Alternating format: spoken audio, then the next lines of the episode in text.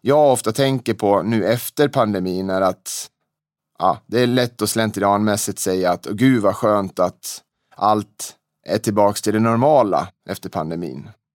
Men när vi drar igång säsongen i höst, som förhoppningsvis kommer kunna starta som den första på länge utan restriktioner, så har jag tänkt mycket på att det är många som kommer sakna sin bänkgranne eller personer som man brukade åka på bortamatcherna med.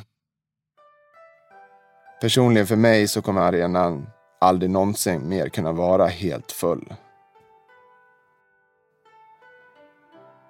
Personen som jag, eh, personen som tog mig in i Leksandsfamiljen finns inte längre.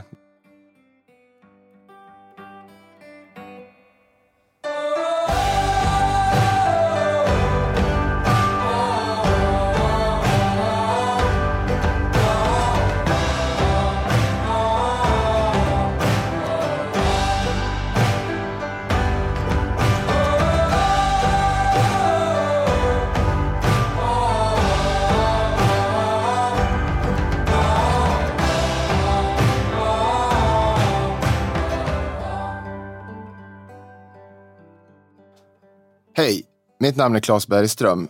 Jag är 44 år, uppvuxen och bor i Falun tillsammans med min fru och mina två barn. De senaste fyra åren har jag spenderat en, all den vakna tiden egentligen att fundera på hur kan jag vara med och bidra till att Leksands IF blir en bättre förening. Det är fyra år sedan jag fick frågan om jag ville kliva in i Leksands IF styrelse och jag tackade ja. När jag fick frågan att spela in det här så försökte jag ducka. Eh, jag skickade ett litet undvikande svar. Min filosofi kring rollen som ordförande har alltid varit att det är inte jag som ska stå i centrum, det är inte vi i styrelsen som ska göra det. Vi i styrelsen jobbar i bakgrunden och det är också anledningen till att jag oftast inte syns i till exempel Liv-TV eller andra produktioner som vi gör. Men den här gången kunde jag inte slingra mig och det är därför jag sitter här och nu och jag ska försöka berätta lite vad jag gör i klubben, min historia med Leksands IF och hur jag ser på framtiden. Jag är supporter till och ordförande i Leksands IF och igår hade vi årsmöten och jag varit vald till ytterligare ett år. I Leksands IF har vi valt att, sett i andra SDHL och SHL-klubbar, ett litet ovanligt upplägg. Det är kanske bra att berätta en liten bakgrund. Vi har delat upp föreningen i en ungdomsdel som drivs av föreningen och en elitdel som drivs i form av ett idrottsaktiebolag. Det här i sig är absolut ingen ovanlig, eh, ovanligt sätt att dela upp det på. Det är väldigt många klubbar som har det. Det som är ovanligt för oss är att vi har två helt skilda styrelser med olika folk som styr de här delarna. Den styrelsen som jag är ordförande i är också den styrelsen som driver elitverksamheten. Från juniorer till A-lag.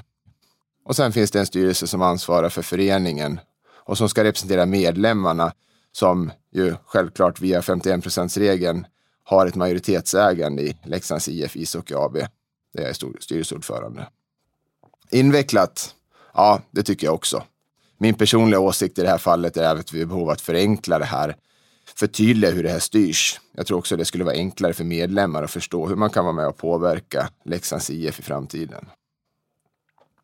En annan sak som jag har tänkt på när det gäller att vara ordförande i en klubb som man faktiskt är supporter till också. För det är så jag ser mig först och främst, som en supporter till Leksands IF som också har fått möjlighet att vara ordförande och verkligen vara med och påverka inifrån.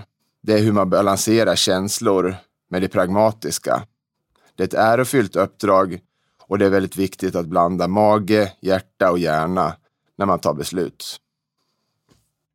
Att vara läxing är ett uttryck som många använder och jag följer oftast diskussioner om det. Vem är den största läxingen och vem är den bästa läxingen och, och så vidare.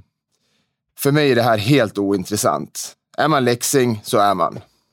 Alla läxningar har sin relation till klubben, sitt sätt att följa laget och sin historia med LIF. Jag brukar också säga att Leksand, det är ingenting bara för läxingar. Alltså läxingar som bor i Leksand. Vi finns på alla möjliga ställen. På matcher kan jag träffa folk från Björbo, närområdet Falun, Bålänge, Ludvika, Stockholm och till och med Danmark.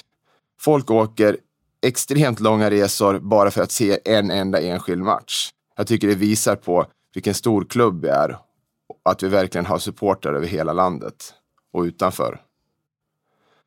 Det finns också olika typer av behov för olika typer av läxingar. Spannet går ju mellan de som kollar resultat och tabell på text-tv till de som åker land och rike runt och följer klubben och som kanske lägger hundratals timmar varje säsong på att skapa tifon och andra läktararrangemang som vi på sitt plats får ta del av. Med det här sagt så tror jag det är viktigt att vi som styr inser att engagemanget är också olika på olika nivåer. Och att vi möter de här graderna av engagemang med respekt oavsett på vilken nivå det är. När vi sitter och spelar in det här så sitter vi idag i Tegera. Innan inspelningen så var jag nere och kollade på gamla Södra Stå. Ja, den finns faktiskt kvar under Tegeras södra läktare. Den gamla ståplatsen där jag växte upp. Och när jag tänker på den gamla hallen, Leksands isstadion, så brukar jag oftast referera även till att vi sitter i den nya hallen nu. Men ja, med lite insikt så inser man att den nya hallen är faktiskt inte speciellt ny. Den byggdes väl 2005 och det har varit ett hem för oss väldigt, väldigt länge.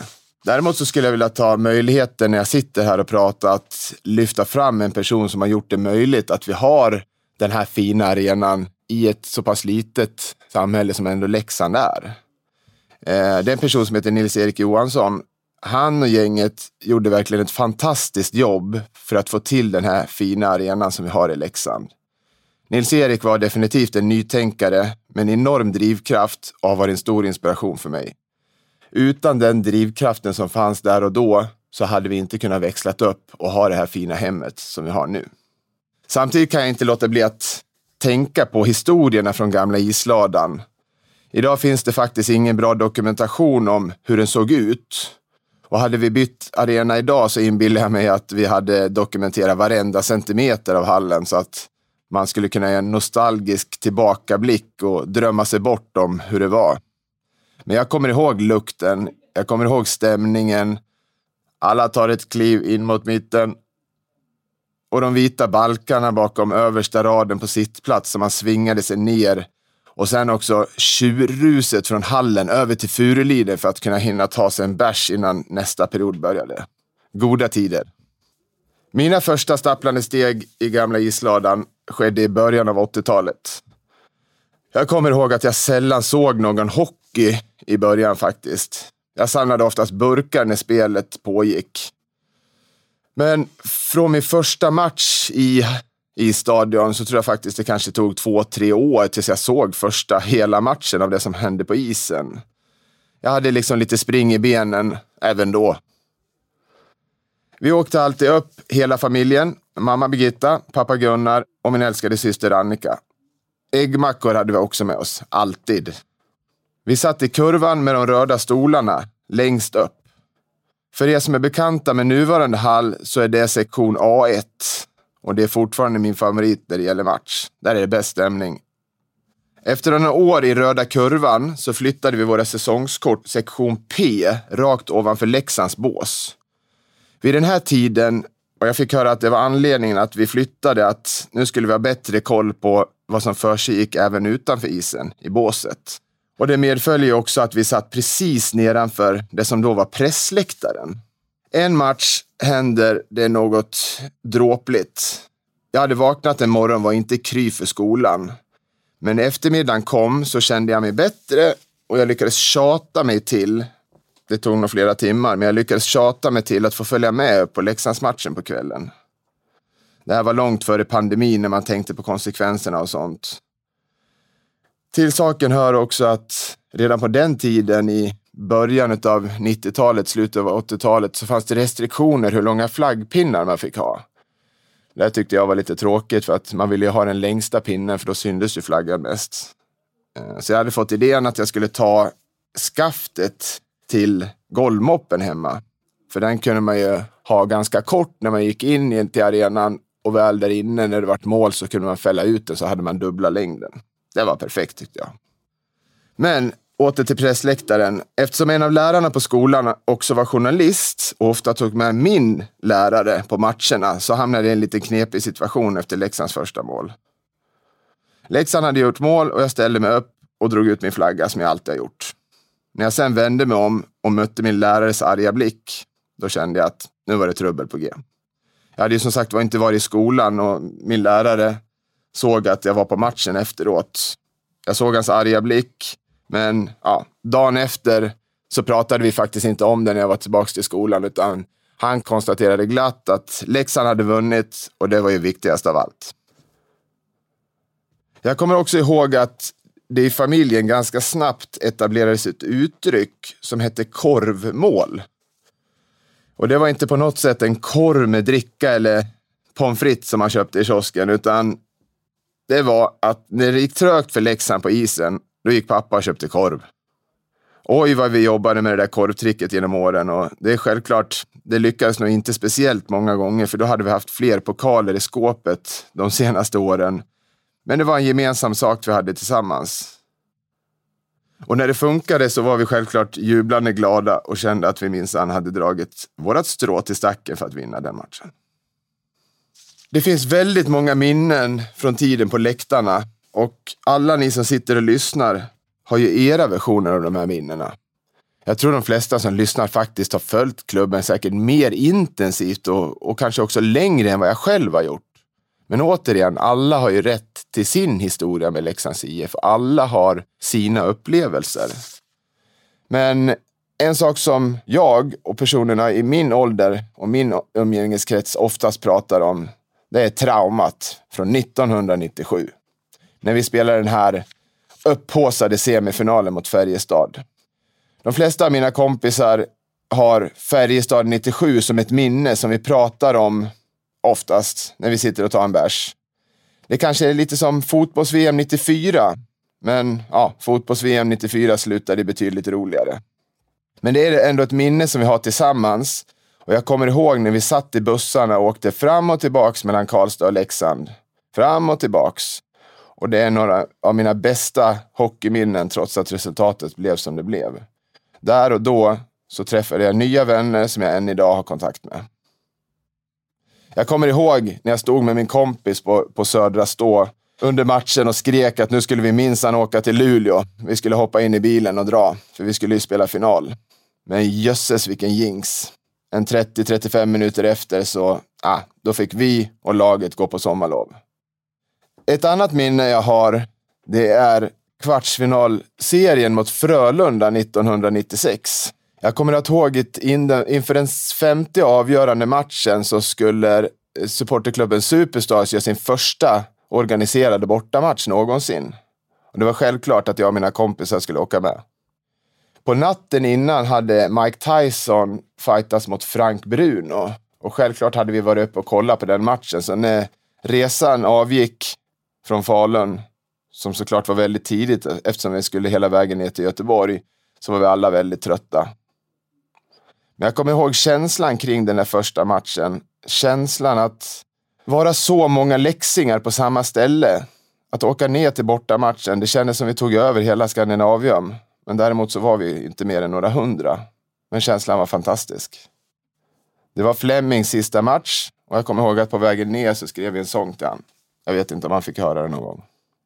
Jag kommer ihåg att det hände väldigt mycket på den här resan. Bland annat var det några kompisar som hade lite svårt att komma in på arenan för det var tydligen inte acceptabelt att gå in med två sopsäckar med papper från en dokumentförsörjare som skulle användas som, som konfetti. Men ja, alla gjorde sina försök och det var vårt mål att för första gången i stora nummer åka på en bortamatch och visa att här var Leksands IFs supportrar. Just supporterkulturen kring Leksands IF är något jag alltid har beundrat. Hemma på väggen så har jag ett diplom från min far från supporterklubben från 1977, året jag föddes. Supporterklubben som lever än idag. Supporterklubben är de som stöttar föreningen i vått och torrt. Det kan vara att vi behöver en ny slip till ungdomssektionen. Då kommer supporterklubben och hjälper till varje match så har de olika lotterier och engagemang som gör att de samlar in extremt mycket pengar och skapar ett engagemang för klubben. Det är helt fantastiskt. För några år sedan så hade vi en väldigt jobbig brand här där en del av arenan också brann ner. Och supporterklubben har drivit en insamling för att vi ska kunna bygga upp den där och har samlat in enorma pengar men också gett ett spotlight till frågan. Vilket gör att vi som klubb med trygghet kan känna att vi har en part som stöttar oss i återbyggnaden. Det är ett fantastiskt stöd att känna. Vi har också superstars som man kan säga är förälder till stämningen i arenan. Ligger bakom att vi har ett väldigt högt användande av halsdukar i arenan, matchtröjor och så vidare. De tog arenaupplevelsen till en helt annan nivå. Från de första stegen när vi hade någonting som kallades för den positiva klacken på, på Södra Stå så bildades Superstars och gav en ny riktning för hur stämningen skulle vara inne i arenan. Och sen ska man lägga till LTC som tog det här vidare till nästa nivå.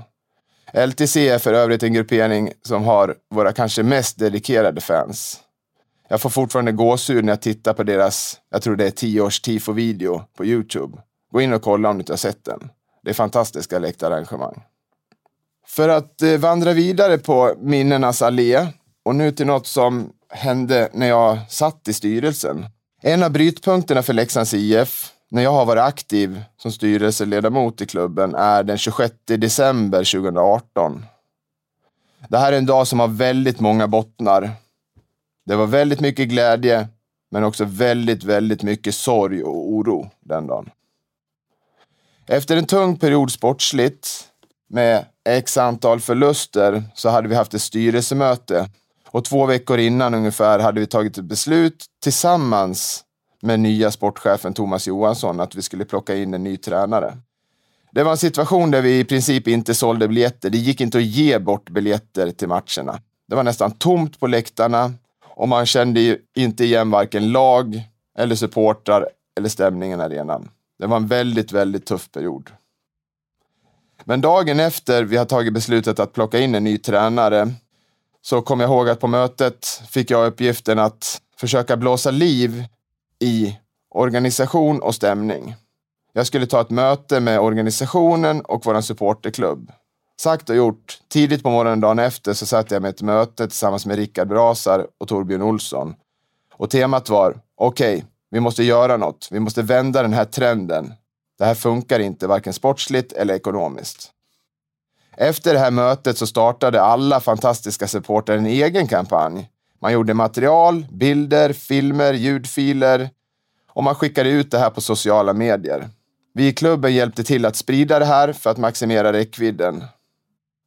Och det var helt fantastiskt att se det här engagemanget och att vi återigen fick hjälp av våra supportrar att knyta näven och vända på någonting som hade varit väldigt, väldigt tungt.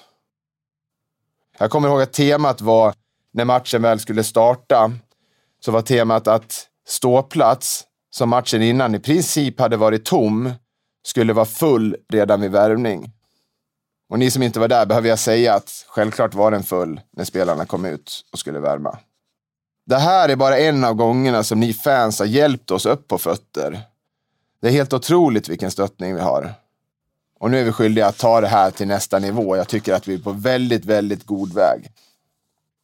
Själva matchen den 26 december vinner vi. Men jag vet inte riktigt om vi kan kalla den ultimata vinsten. Som jag sa, det var en dag med känslor i de båda olika spannen. Glatt och ledsamt. Våran kära Tobbe Fopp blir liggande på isen efter att ha kört in i sargen.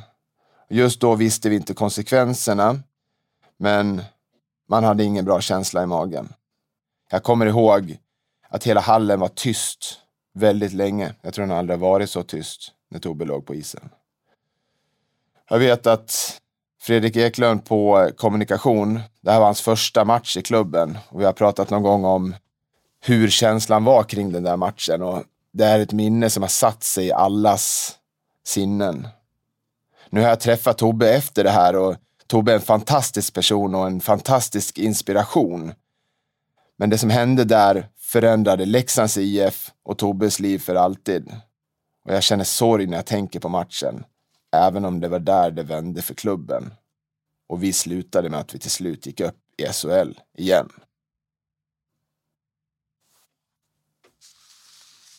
Lite på samma tema. Något år efter det hemska som hände 26 december där så träffade jag Tobbe i hallen. Jag tror att det var första gången han var tillbaks och kollade på en match. Det var helt fantastiskt att få träffa Tobbe och få prata lite med honom. Jag fick också faktiskt en autograf av honom. Det var väldigt roligt. Det var under en speciell dag. Det var i princip tomt i arenan. Det var inget folk där, för det var restriktioner på vilka man fick släppa in i arenan. Men det det var, det var 8000 halsdukar på arenan. Så att det konstiga är att en av de mäktigare matcherna jag faktiskt upplevt, det är halsdukens dag. När varenda plats i arenan var fylld med en halsduk. Halsdukens dag har supporterklubben Superstars drivit i många år och det är ett initiativ för att få fler att använda halsdukar på matcherna för att bygga på arenaupplevelsen. Men den här gången var det pandemi och pandemin hade slagit klorna i både föreningsekonomi och våra möjligheter att ta in folk på arenan. Så när jag fick ett samtal att supportrarna planerade att sälja 8000 halsdukar och fylla hela arenan med halsdukar istället för folk så tyckte jag det lät som en fantastisk idé och det skulle vara otroligt om vi lyckades det. Men självklart så skulle jag förstått att det skulle bli succé. Det blir ju oftast det när ni supportrar gör saker för klubben. Det såldes över 8000 halsdukar och vi fick in långt, långt mycket mer än vi skulle kunna önskat. Att känna det här stödet i en sån tuff period för klubben under den här coronapandemin gjorde att det mentala stödet hjälpte alla att fortsätta kriga sig igenom en tuff period. Men det ekonomiska stödet var ju såklart också helt ovärderligt. Så tack alla läxingar. Tack supporterklubben. Och bäst av allt var att jag fick träffa Tobbe i arenan. Det här med att Leksands IF är en stor klubb, det är nog nästan ett understatement skulle jag vilja påstå. Det händer så mycket runt om i arenan när det spelas matcher. Runt om i byn, runt om i Dalarna. Det kan vara på Bosporen före eller efter matchen. Det kan vara Leksands strand efter en hockeyhelg eller under en hockeyhelg. Det händer saker. Man märker att nu är Leksands IF igång. Och återigen, alla har ju sitt minne från att vara på läktaren. Alla har sina bästa vänner som man kanske står med eller bänkgranne som man sitter bredvid. Jag vet att folk, jag vet folk som haft samma plats innan arenan byggdes. Och det är kort och gott mycket mer än att gå på en hockeymatch. På något sätt är det en social verksamhet. Och jag vet att många saknade under pandemin. Något som jag ofta tänker på nu efter pandemin är att ja, det är lätt att slentrianmässigt säga att gud vad skönt att allt är tillbaks till det normala efter pandemin. Men när vi drar igång säsongen i höst, som förhoppningsvis kommer kunna starta som den första på länge utan restriktioner, så har jag tänkt mycket på att det är många som kommer sakna sin bänkgranne eller personen som man brukade åka på bortamatcherna med. Personligen för mig så kommer arenan aldrig någonsin mer kunna vara helt full. Personen som jag, eh, personen som tog mig in i Leksandsfamiljen finns inte längre. Det är min far. Så jag kommer aldrig kunna anse att arenan är full. Någonsin igen. Tillbaka till min roll som ordförande då. Det var väldigt kul att få förtroendet att fortsätta bygga och stärka Leksands IF. Jag är som sagt ordförande för elitdelen av verksamheten, men jag brinner verkligen för helheten och utvecklingen av individer från Tre Kronors Hockeyskola till de olika A-lagen. Och även de som sliter utan skridskor på sig i alla roller behövs för att driva den här verksamheten under ytan, för jag brukar beskriva Leksands IFs verksamhet som ett isberg. Och inte då för att vi håller på att köra in i något som är väldigt jobbigt att krascha i, utan snarare tvärtom. Jag använder det som en metafor för att beskriva komplexiteten och vilka delar vi behöver göra för att bli bäst både på kort och lång sikt. Man brukar säga att 10 procent av ett isberg är det som syns ovanför vattenytan. Och där har vi våra representationslag, SDHL-laget och SHL-laget. Men under ytan så ligger saker som juniorverksamhet och ungdomsverksamhet. Det är väldigt viktigt att aktiebolaget som jag företräder säkerställer att om vi siktar på att omsätta 170 miljoner nästa år så måste vi säkerställa att vi har pengar att tratta ner till ungdomssidan. Återigen, vi har delat upp föreningen, men för att vi ska lyckas så måste vi se det som en helhet. Vi måste se till att de delarna som är vinstdrivande och driver in och driver på ekonomin är med och finansierar framtidens Emil Heinemann eller Nils Åhman. Under ytan på Reisberget har vi även arenan och faciliteter. Vi är trångbodda som det är idag. Vi har en väldigt fin arena, men vi håller också på och växer väldigt mycket som klubb. Vi har en flickverksamhet som går framåt något enormt. Men vi behöver fylla på med ytterligare en isyta för att alla ska ha möjlighet att träna så mycket man vill och att vi ska kunna få de här extra lagen som vi vill. Det ligger annars också hur klubben ska styras ligger under ytan på det isberget. Jag var inne på det här med de olika styrelserna. Vi har över 12 000 medlemmar hade vi förra säsongen. Vi måste hitta ett sätt att engagera alla de här medlemmarna på ett bra sätt. Så man känner sig delaktig som medlem. Du som medlem är ju den som ytterst kan vara med och påverka både hur föreningen ska utvecklas på kort och lång sikt genom årsmötena.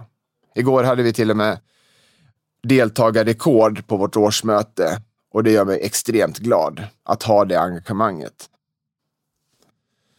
Det är som sagt mitt fjärde år i styrelsen och nästa säsong blir mitt femte. Mitt fjärde som ordförande. Sen vi gick upp den där dagen när Ollas vred och vände i hörnet och passade berg så har vi fokuserat mycket på att bygga ett Leksands IF som blir ännu mer strukturerat och som bygger på att vi optimerar verksamheten med kontinuitet som ledord. Och att vi ständigt ökar kravbilden för alla inblandade. Jag vill vara med och skapa en vinnande kultur som fokuserar på att individer och lag alltid har en möjlighet att utvecklas till sitt bästa jag.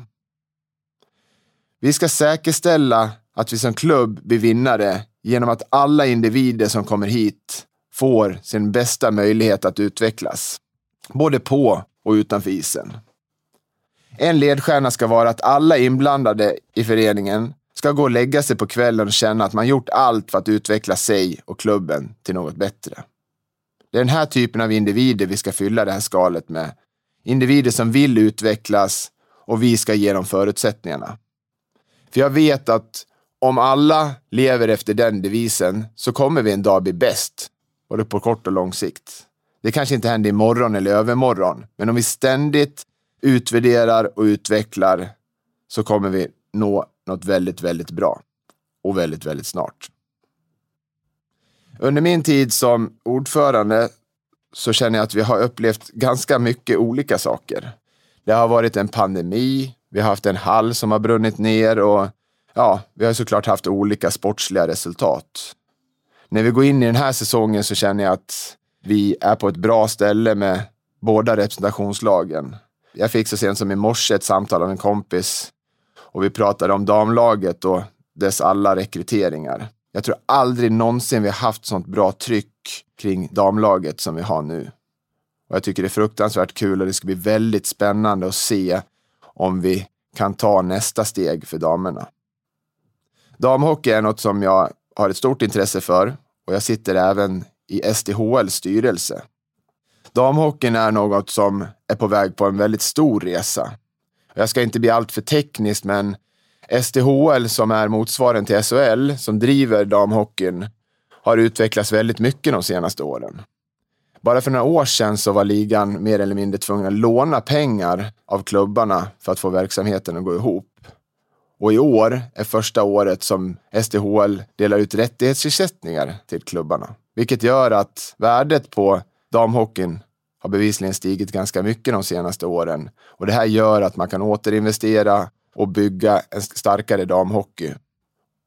Jag tycker också det är extremt spännande med Jordan Collington som, som ny tränare och det ska bli spännande att följa den där resan. Vi har gjort några ombyggnationer utav tänket kring damhockeyn och vi fortsätter den resan. Kollar man på klubbar som Luleå som har en verksamhet på representationslagsnivå som är extremt framgångsrik för både dam och herr. Jag är helt övertygad att det är så framtiden måste se ut för framgångsrika klubbar. Du måste driva på båda delarna. Annars så kommer du få svårare att hitta partners som vill associeras med dig. Mina år som ordförande har som sagt var haft lite olika ansikten och när jag tittar tillbaka på mitt första år så var det så här i efterhand extremt turbulent. Det stora temat för den säsongen var att säkerställa att vår precis nyanställda general manager Thomas Johansson fick möjlighet att bygga ett herrlag på sikt. Det var viktigt att han fick ett starkt mandat att göra det här utan detaljstyrning från obehöriga personer eller detaljstyrning från styrelsen. Jag fick se på nära håll vad jag anser har varit klubbens absolut största svaghet genom åren. När det stormade rejält på både insidan och utsidan. Jag fick spendera i princip hela dagarna under några månaders tid med att prata med olika personer i och runt klubben. Jag hade ett tydligt mål. Det var att Thomas som general manager skulle få jobba med herrlaget och bygga på sikt. Men det var viktigt att han fick göra det på sitt sätt. Det hade vi inte prövat på ett tag. Det fanns väldigt många olika synpunkter under säsongen och media pumpade på rejält med att det var maktkamper och olika viljor. Det är lätt att vara efterklok, men jag anser att efter fyra års styrelsearbete så är jag väldigt säker på att det absolut viktigaste jag har bidragit med till den här klubben är att jag stöttade Thomas till 100 procent, även under ett extremt turbulent första år. Något jag trodde var helt okontroversiellt, att stötta ett beslut om att jobba långsiktigt och jobba med sportslig utveckling där statistiken skulle vara i centrum och vara en ledstjärna. Det visade sig vara något helt annat än okontroversiellt. Och den här stöttningen tog extremt hårt på mig och personer runt om mig under det där året. Men jag är glad och är stolt över att vi höll ut, för nu känner jag att klubben är på väg mot något väldigt, väldigt, väldigt bra. Vi kan bara kolla på att vi har släppt fem personer från vår organisation till NHL-kontrakt den här säsongen. Fem stycken spelare. Och många av dem är uppvuxna bara några stenkast bort från arenan. Det är ju helt fantastiskt. Det visar att vi är på rätt väg. Vi har också ett resultat, ett ekonomiskt resultat i år som också ytterligare stärker föreningen.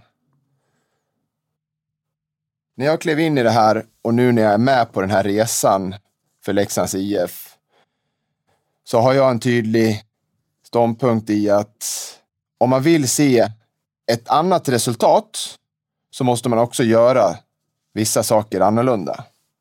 Och förändring är inte en riktig förändring om den faktiskt inte känns.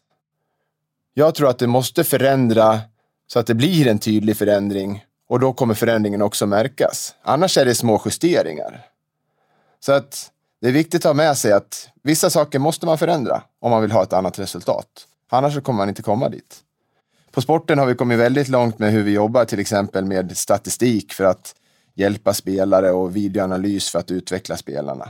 Det här är någonting vi ska ta i hela klubben. Men jag känner också att vi är så starka som klubb så att det måste vara okej okay för supportrar, medlemmar och vi som jobbar i klubben att kunna ha två tankar i huvudet. Att man hittar ett område som är i behov av utveckling eller man kanske till och med hittar något som inte funkar speciellt bra. Det måste vara okej. Okay. För i samma huvud kan tanken finnas att de som sköter det här området som man identifierat som behöver utveckling, de har ett förtroende att fortsätta göra det här. Så vi behöver hitta ett sätt att optimera den här verksamheten på alla plan, men med kontinuitet. En tanke om att något inte kanske funkar tillfredsställande, det är inte ett problem. För att vi har folk som kommer jobba med det och de har återigen det här förtroendet. Och jag känner att vi har den här styrkan nu att ta de här diskussionerna om vilka områden det är som ska fortsätta utvecklas. Vi är starka som klubb så att vi kan ta det man kanske säger som, som kritik utifrån. Vi är så pass starka så att vi kan öppna upp och låta oss själva och alla runt klubben ha två tankar i huvudet. Den här saken vill vi ska bli bättre, men vi känner också ett förtroende på det sättet som det görs nu. För förändring, att ändra kulturer och ändra stora strukturer, det tar tid. Det är ingenting som sker över en natt. Så vi måste ha tålamod, men låt oss också ha möjligheten att ha två tankar i huvudet samtidigt. Det behöver inte betyda att vi måste börja om från början. Resan med Leksands IF är långt ifrån över för alla oss supportrar. Jag är helt säker på att vi har en väldigt, väldigt bra framtid att se fram emot. Vi har en damsatsning som ser väldigt, väldigt positiv ut. Den bästa på flera år. Vi har en bra investeringstakt i arenan där vi börjar lösa viktiga frågor för arenan som har varit på bordet väldigt länge. Vi har en organisation som håller på att utvecklas och vi har satt en tydlig strategi för vad vi ska vara inom fem år inom områdena organisation, sport och fastighet.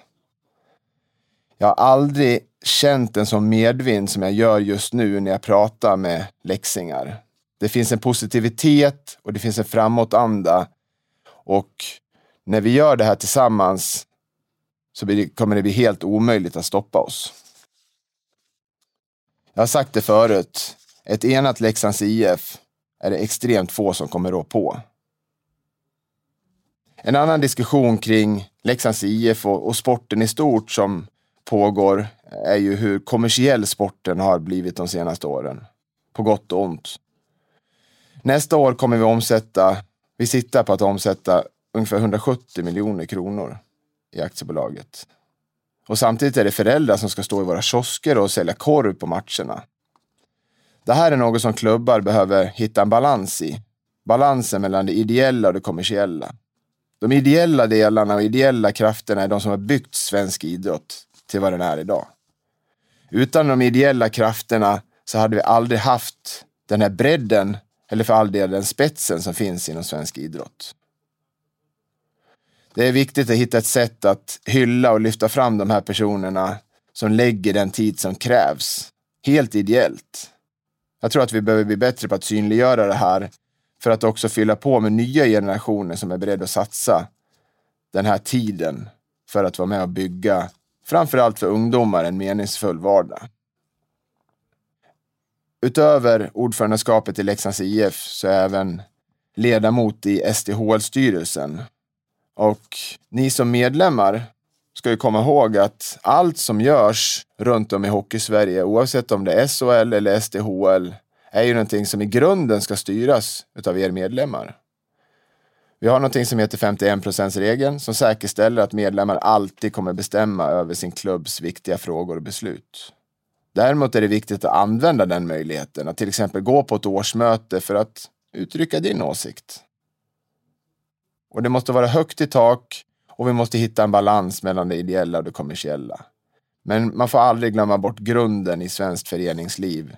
Det är att det är ni medlemmar som bestämmer på årsmötena. Jag vill också avsluta med att tacka alla som har varit med och gett oss den här chansen för att etablera oss högt upp i hierarkin, både i SDHL och SHL. Det finns väldigt många som har gjort väldigt mycket för den här klubben genom åren. Och alla har haft sina olika förutsättningar. Vi ska komma ihåg att det är inte många år sedan som vi inte ens visste hur vi skulle hitta ekonomi och betala ut lön dagen efter. Så jag har varit med om väldigt mycket och jag vill skicka ett stort tack till precis alla som har fightats för att den här klubben ibland ska överleva och att den ska kunna ta nästa steg. Utan er som har gjort det här hade vi som sitter här och nu i ledande positioner aldrig haft möjligheten att skruva in kikaren på de högsta platserna. Utan er så hade det inte funnits en möjlighet att prata om att utveckla klubben på det sättet som vi gör idag. Och utan er så hade det aldrig varit möjlighet att skicka fem läxingar till NHL-kontrakt efter den här säsongen. Så det ska alla som lyssnar ta med sig av. Ett stort, stort tack för det. Ni vet själva vilka ni är. I Leksands IF har vi valt att sätta människan i fokus. Jag var inne på det tidigare. Vi ska säkerställa att alla personer i den här klubben har möjlighet att utvecklas till sitt bästa jag. Vi som klubb ska se till att det finns en miljö som gör att alla kan utvecklas på det här sättet. Då vet vi, som Johan Erikssons sång, att vi en gång kommer stå längst upp på det där berget. Och jag kan inte mer än längta till den dagen någon av våra representationslag tar det där guldet. Det är inte det som är det slutliga målet. Det finns mycket viktigare saker. Men det kommer vara fruktansvärt härligt att få fira ett guld tillsammans med alla Leksands fans. Vi har väntat, vi har väntat. Men det långsiktiga målet är fortfarande att fortsätta utveckla individer på och utanför isen. För återigen, gör vi det, då kommer vi säkerställa att vi blir bäst både på kort och lång sikt. Solen stiger långsamt över Siljan Har aldrig sett den lysa så förut. På oss som alltid haft den rätta viljan. Som aldrig trott att drömmen ska ta slut. En dag så står vi högst upp. Allt det som vi kämpat för är där. Och så klart som solen lyser våra färger. Vi vet vi kommer alltid finnas här.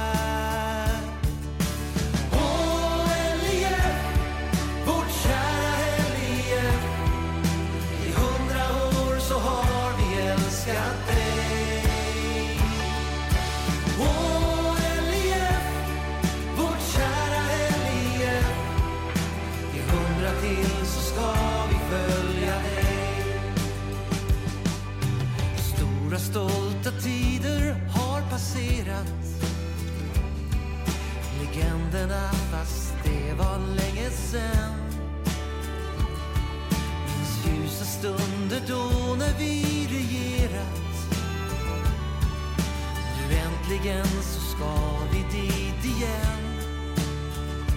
Ifrån Dalarna hörs sången återklinga